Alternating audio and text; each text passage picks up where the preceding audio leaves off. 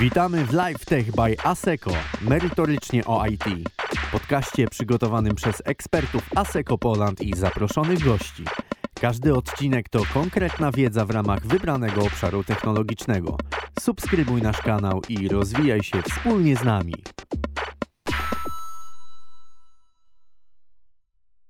Hadoop dla .NET deweloperów w przykładach dla .NET Core. Część pierwsza. Przygotował Remigiusz Mrozek, starszy inżynier oprogramowania z ASECO Bydgoszcz. Jednym z pierwszych kompleksowych rozwiązań dla Big Data jest projekt rozwijany przez fundację Apache o nazwie Apache Hadoop. Jest to rozwiązanie z otwartym kodem napisanym w języku Java. Do jego głównych założeń należało przetwarzanie wielkich zbiorów danych za pomocą klastrów komputerowych. Jego wszystkie części zaprojektowano tak, by uniezależnić rozwiązanie od naturalnie pojawiających się awarii sprzętowych. System charakteryzować miała wysoka niezawodność HA High Availability.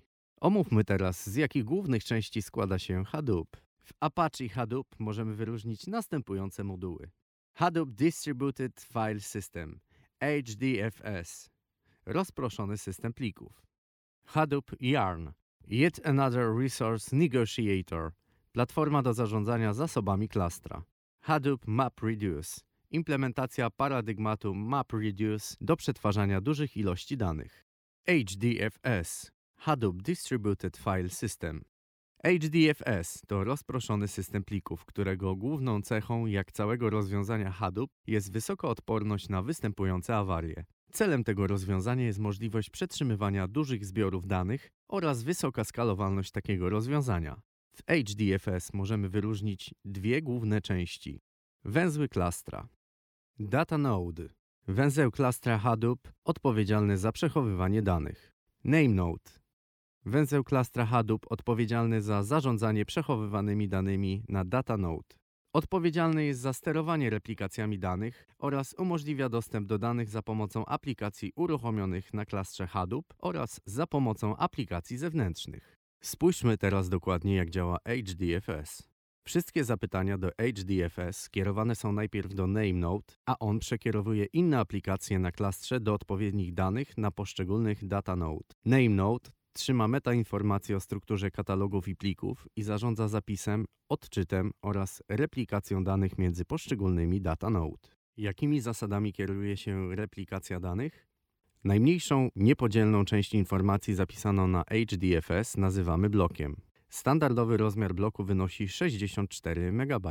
NameNode replikuje dane używając bloków. W celu zapewnienia wysokiej dostępności każdy blok replikowany jest standardowo przynajmniej trzykrotnie, by zapewnić wysoką dostępność po awarii jednego lub wielu data node. System plików HDFS ma strukturę drzewiastą i wzorowany jest na systemie plików Unixowych. Posiada system uprawnień podobny do systemu Unixowego, czyli składa się z prawa właściciela, grupy oraz użytkownika. Każde prawo reprezentowane jest w ten sam sposób, co w systemach Unixowych za pomocą ciągu literek RWX lub jej reprezentacji liczbowej od 0 do 7 dla każdego uprawnienia. Yarn Yet Another Resource Negotiator jest to zbiór usług zarządzających uruchamianiem zadań na klastrze Hadoop, w szczególności programów w paradygmacie MapReduce.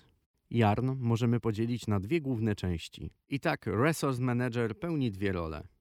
Pierwszą z nich jest Scheduler, odpowiedzialny za przydzielenie zasobów uruchamianym aplikacjom na klastrze. Jest on czystym harmonogramem w tym sensie, że nie monitoruje ani nie śledzi stanu aplikacji.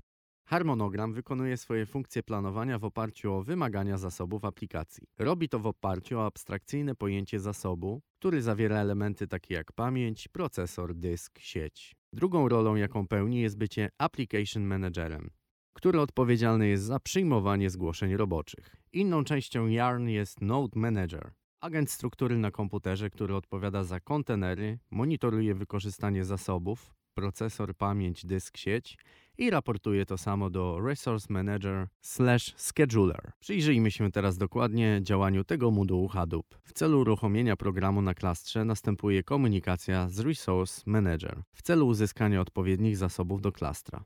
Resource Manager informacje te pozyskuje od poszczególnych Node Manager, które raportują mu takie informacje. Node Manager służy również do uruchomienia odpowiednich programów przydzielonych im przez Resource Manager w przygotowanych dla tego celu kontenerach. trakcie działania programu Resource Manager udostępnia także informacje o stanie programów, czyli o ich postępie, błędach wykonania oraz zakończeniu danych programów. MapReduce Model do przetwarzania dużych zbiorów danych składa się z części inspirowanych programowaniem funkcyjnym. Map Program mapujący, który pobiera dane z wejścia i dzieli je na mniejsze podproblemy, pozwala wybrać interesujący nas podzbiór danych, który będzie ulegał dalszej obróbce. Reduce program zbierający dane i przedstawiający je w interesującej nas formie. Zawiera często funkcje agregujące. Combiner, semi-reducer. Program podobny w działaniu do reduce, zbierający dane częściowe, tworzony najczęściej w celu optymalizacji całego procesu MapReduce. Driver, blok startowy całego procesu MapReduce. Określamy w nim, jakie programy Map, Reduce, Combiner zostaną użyte w procesie. Określa również liczbę kopii map, combiner, reduce wymaganych do działania całego procesu. Zawieramy w nim również ścieżkę wejściową HDFS, gdzie znajdują się dane wejściowe oraz ścieżkę docelową na HDFS, gdzie zapisane zostaną wyniki działania procesu MapReduce. Popatrzmy teraz dokładniej na ten model. Dane początkowo trafiają do poszczególnych kopii programów map. Następnie dane przekierowane są do Combiner, który redukuje liczbę potrzebnych danych w procesie. Etapem końcowym jest program Reduce, który zbiera wynik i przedstawia dane w formie docelowej. Hadoop wspiera uruchomienie programów MapReduce. Zadaniem programisty jest napisanie tylko poszczególnych programów Map, Combiner i Reduce. Konfiguracja samego procesu odbywa się w programie Driver, w którym informujemy Hadoop, z jakich programów Map, Combiner, Reduce będziemy korzystać oraz określamy ilość liczby ich kopii oraz ścieżki wejściowej z danych oraz ścieżki docelowej na HDFS. Zapisem i odczytem danych na HDFS oraz przekierowaniem danych do poszczególnych programów Map, Reduce, Combiner zajmuje się już sam Hadoop zgodnie z konfiguracją w programie Driver. Cluster Hadoop w chmurze. Istnieje wiele możliwości uruchomienia takiego testowego klastra w chmurze. Wiele największych rozwiązań chmurowych wspiera rozwiązanie Hadoop i tak Azure, rozwiązanie HD Insight, AWS, rozwiązanie Amazon EMR, Google Cloud, rozwiązanie Dataproc, lokalny klaster Hadoop.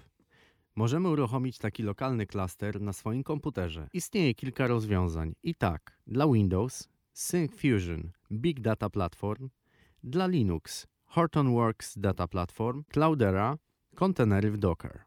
W swoim wpisie na blogu ASECO dokładnie opisuję, jak uruchomić taki klaster lokalnie za pomocą kontenerów. Zainteresowanych odsyłam do mojego wpisu. Podsumowując, możemy zauważyć, że praca z Apache Hadoop nie jest tak skomplikowana, jak mogłaby się wydawać i daje dużo możliwości w przetwarzaniu dużych zbiorów danych. Do skomplikowanych nie należy także postawienie takiego środowiska do testów na swoim komputerze. Następną istotną kwestią jest to, że pomimo iż platforma ta napisana jest w Javie i skierowana była głównie do rozwiązań opartych na Java, nie musi się ograniczać tylko do tego języka. W następnej części skupimy się na pisaniu programów MapReduce. Zaczniemy od pokazania takich programów w Java i przejdziemy płynnie do pisania takich programów w innych językach programowania.